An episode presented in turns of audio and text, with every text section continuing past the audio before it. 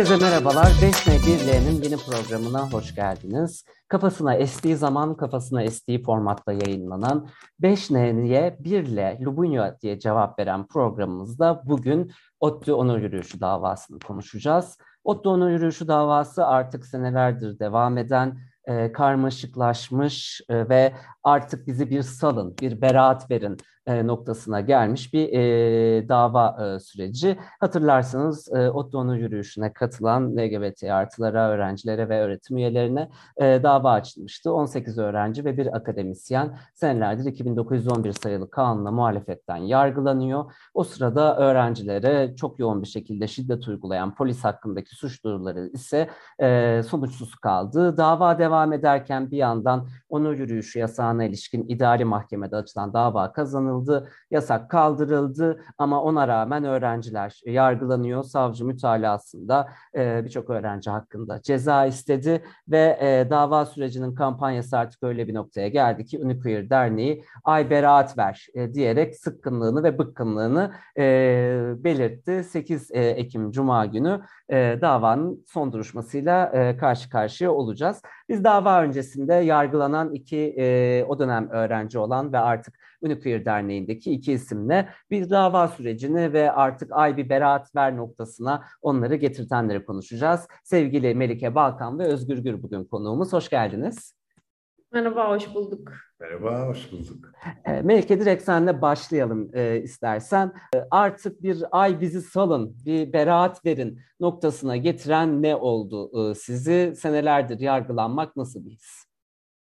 Ee, harika bir his. Başından beri çok güzeldi. Ee, çok güzel bir yargılama süreciydi.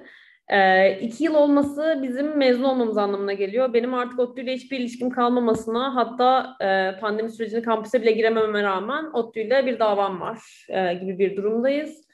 E, bir yandan da e, sadece biz değil, yargılanan neredeyse herkes mezun oldu. Herkes e, hayatının devamına geçmeye çalışıyor ama bu dava bitmedi, bitmiyor her bir duruşmada delil de istenmemesine, her şey ortada olmasına rağmen yine yeniden bir e, erteleme halindeydik.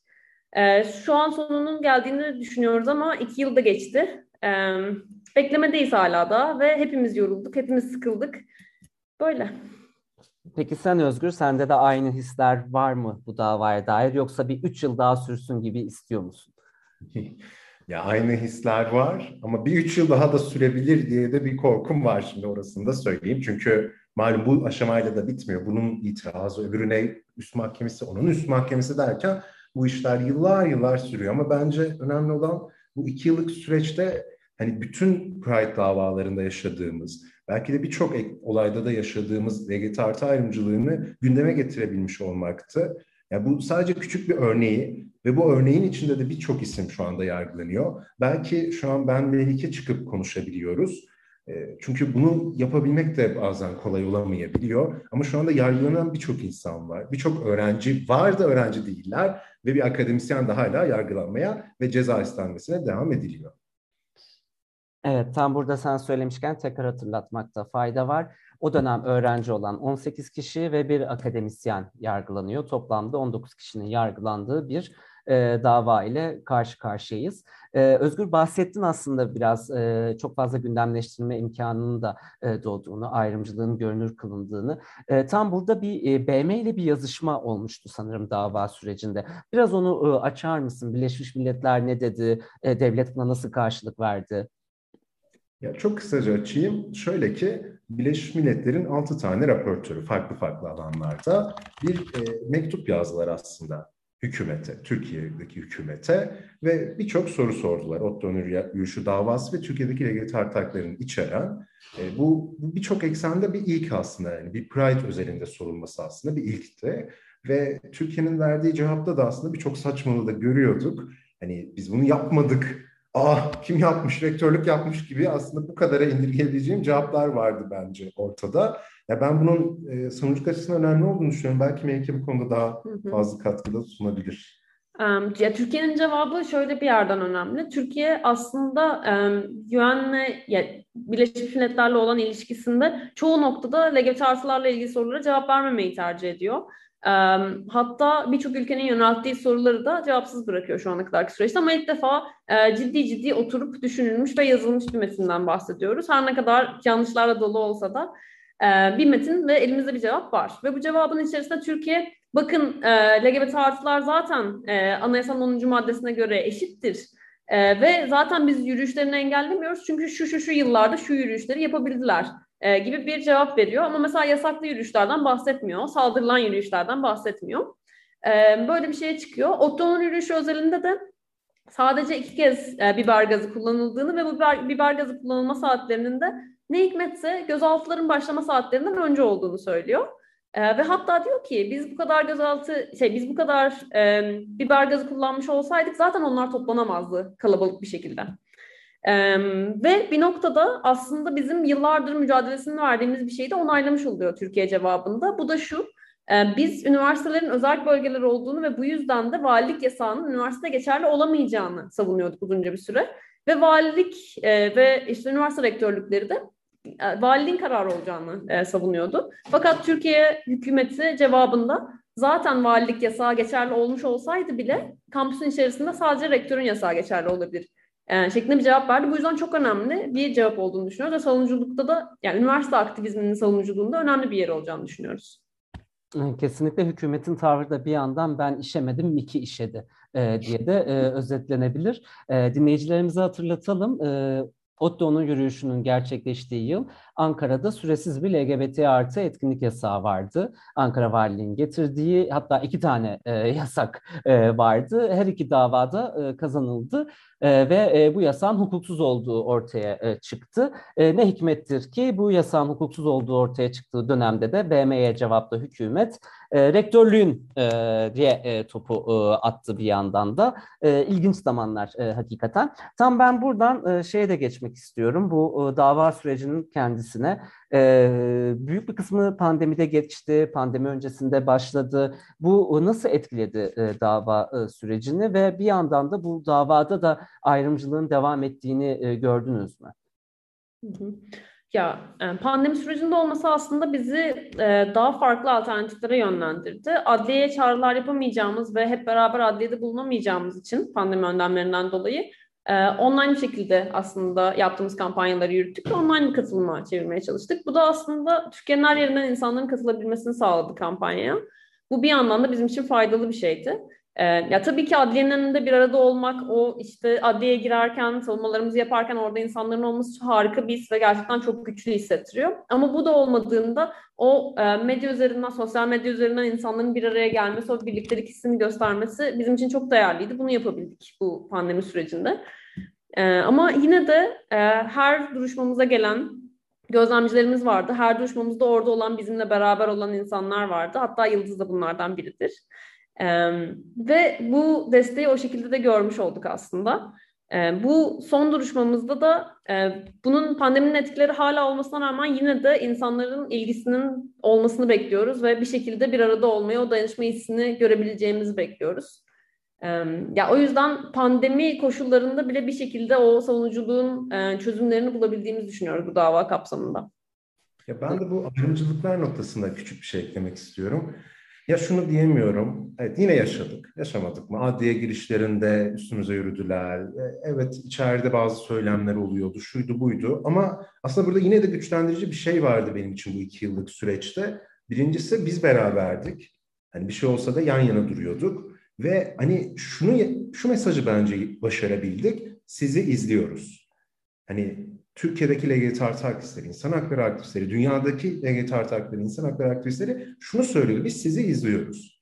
Yaptığınız şu an bütün bu muameleler izleniyor ve bunun ben güçlendirici bir etkisi olduğunu gördüm.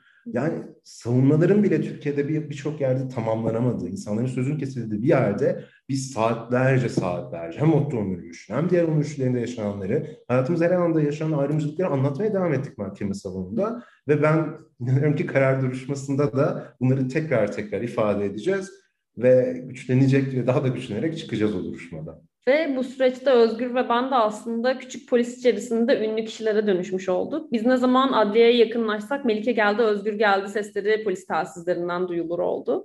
Adliyede biz yürürken arkamızda bir polis ordusuyla yürümeye başladık. Çünkü neden? Çok riskli insanlarız ve çok riskli tipleriz. Ee, ve ama bununla beraber gelen sürekli polisin gözünün önünde olmak e, hem yorucu da olsa aslında bizi e, orada ciddiye aldıkları ve bir şeyler yapabilme potansiyelimizin olduğunu fark ettikleri anlamına geliyordu bizim için. Bu da aslında güçlü, güçlendirici bir şey.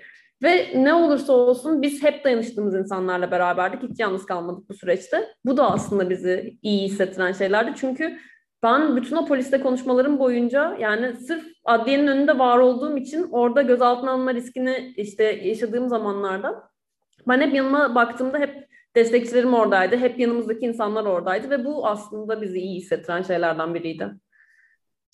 Evet. son duruşmaya bu durumda ben evde bütün ihtiyaçlarımı giderip özellikle çişimi yapıp gelmem gerekiyor. Çünkü bir duruşmada neredeyse altıma işeyerek şey yapacaktım.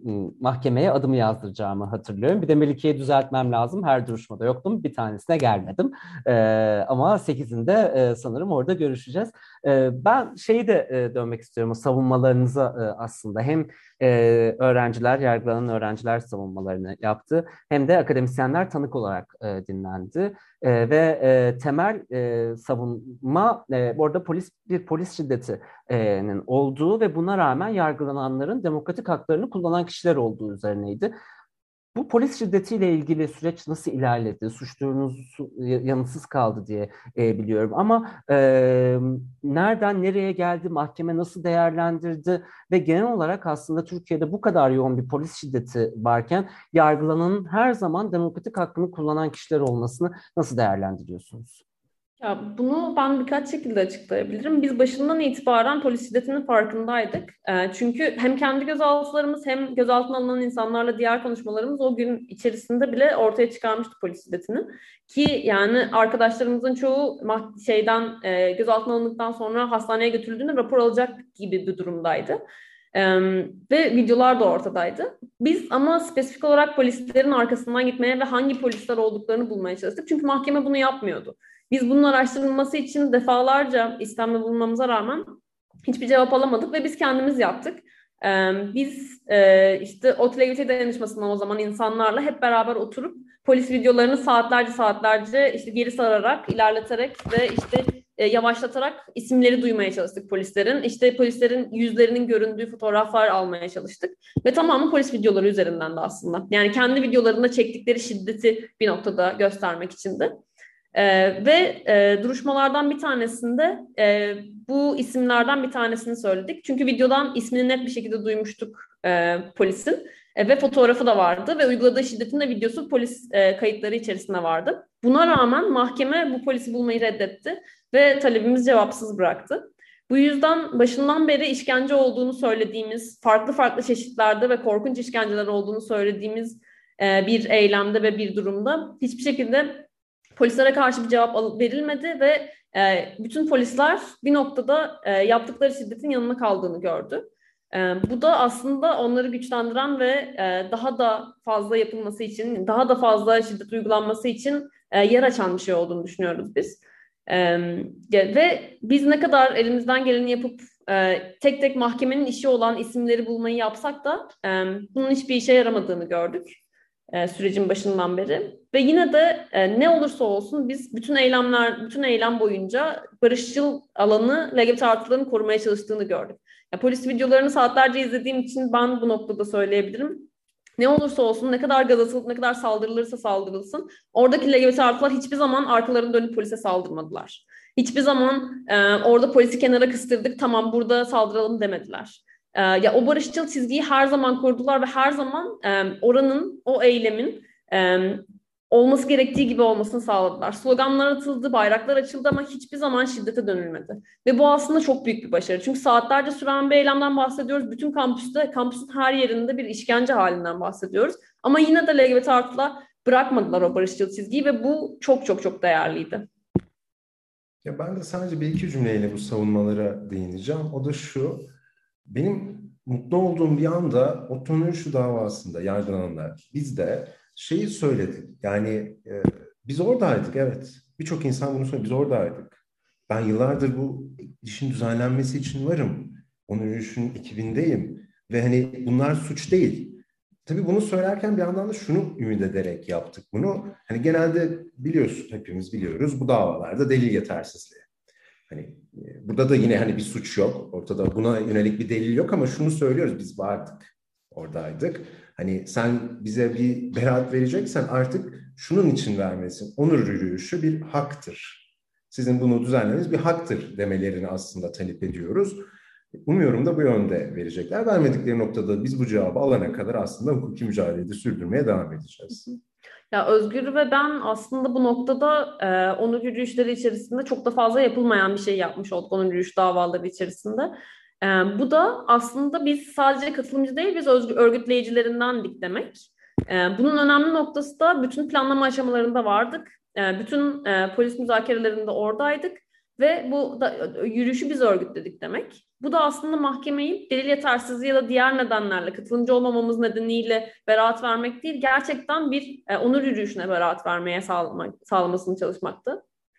E, bu yüzden de işte ya bu davanın özel olmasının nedenlerinden bir tanesi bu ve bence bu kadar uzun sürmesi, sürmesinin nedenlerinden bir tanesi de bu.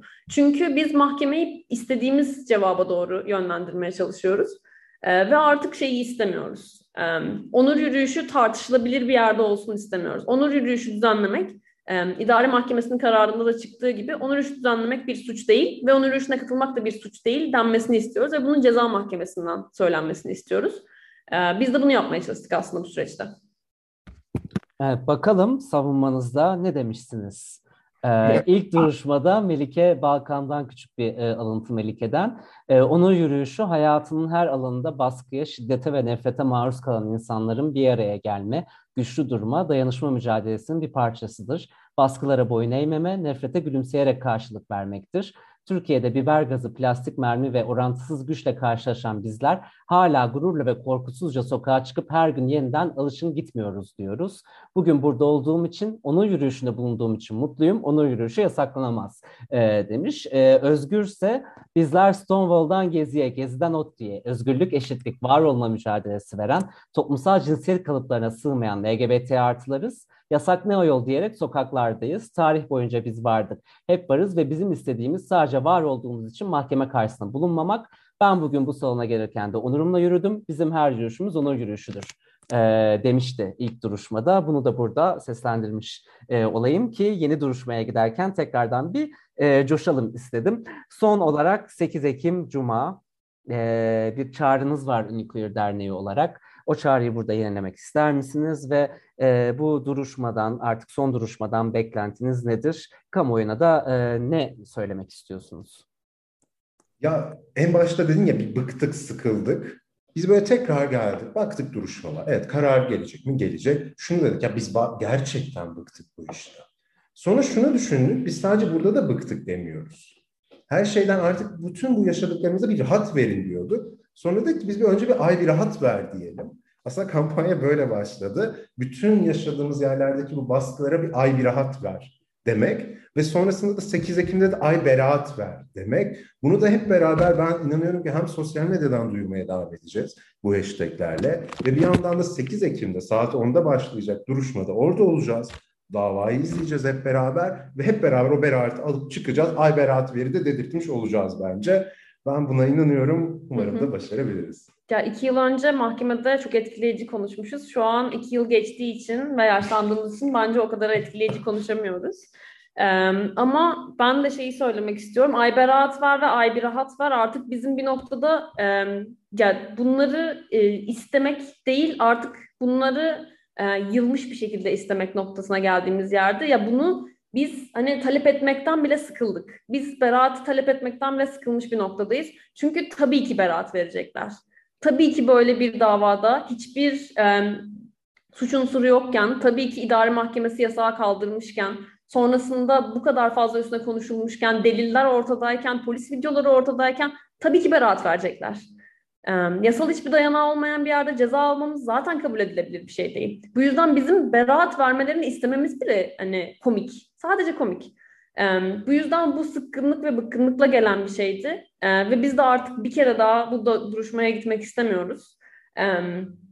bu yüzden de Ayberat var ve biz herkesin orada dayanışma göstermesini istiyoruz. Sadece bizim için değil, bizim iyi hissetmemiz için değil tabii ki çok güzel hissettirecek bizim orada sizi görmemiz ve işte bir şekilde sosyal medya üzerinden, e, kampanya üzerinden katılım gösterilmesi. Ama Türkiye'deki bütün Lübnya'nın bir arada olduğumuzu hissetmesi için güzel. Çünkü orada beraat aldıktan sonra e, hep beraber dayanışabileceğimizi hissedeceğiz. Hep beraber çok daha güzel bir şeyler yapabileceğimizi hissedeceğiz.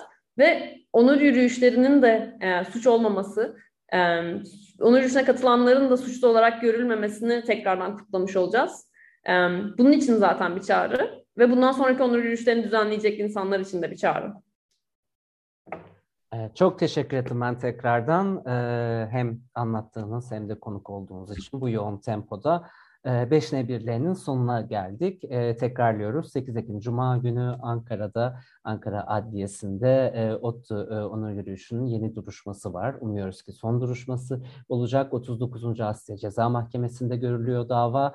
E, davaya ilişkin bütün detayları Uniqueer'in e, sosyal medya hesaplarından ve internet sitesinden erişebilirsiniz ve e, duruşma günü neler olacağına dair de kampanya çağrıları içinde e, bu yayını siz dinlerken e, Spotify'da alta linkte bırakmış olacağım Uniqueer'in bütün hesaplarını. Oradan da e, takip etmeniz mümkün. E, son olarak e, artık e, sevgili Özgür ve Melike'yi e, salmak ve daha fazla ünlü olmalarını engellemek için dahi bir beraat verilmesi gerektiğini düşünenler bir ay bir rahat ver, ay beraat ver derlerse umuyoruz ki beraati alacağız.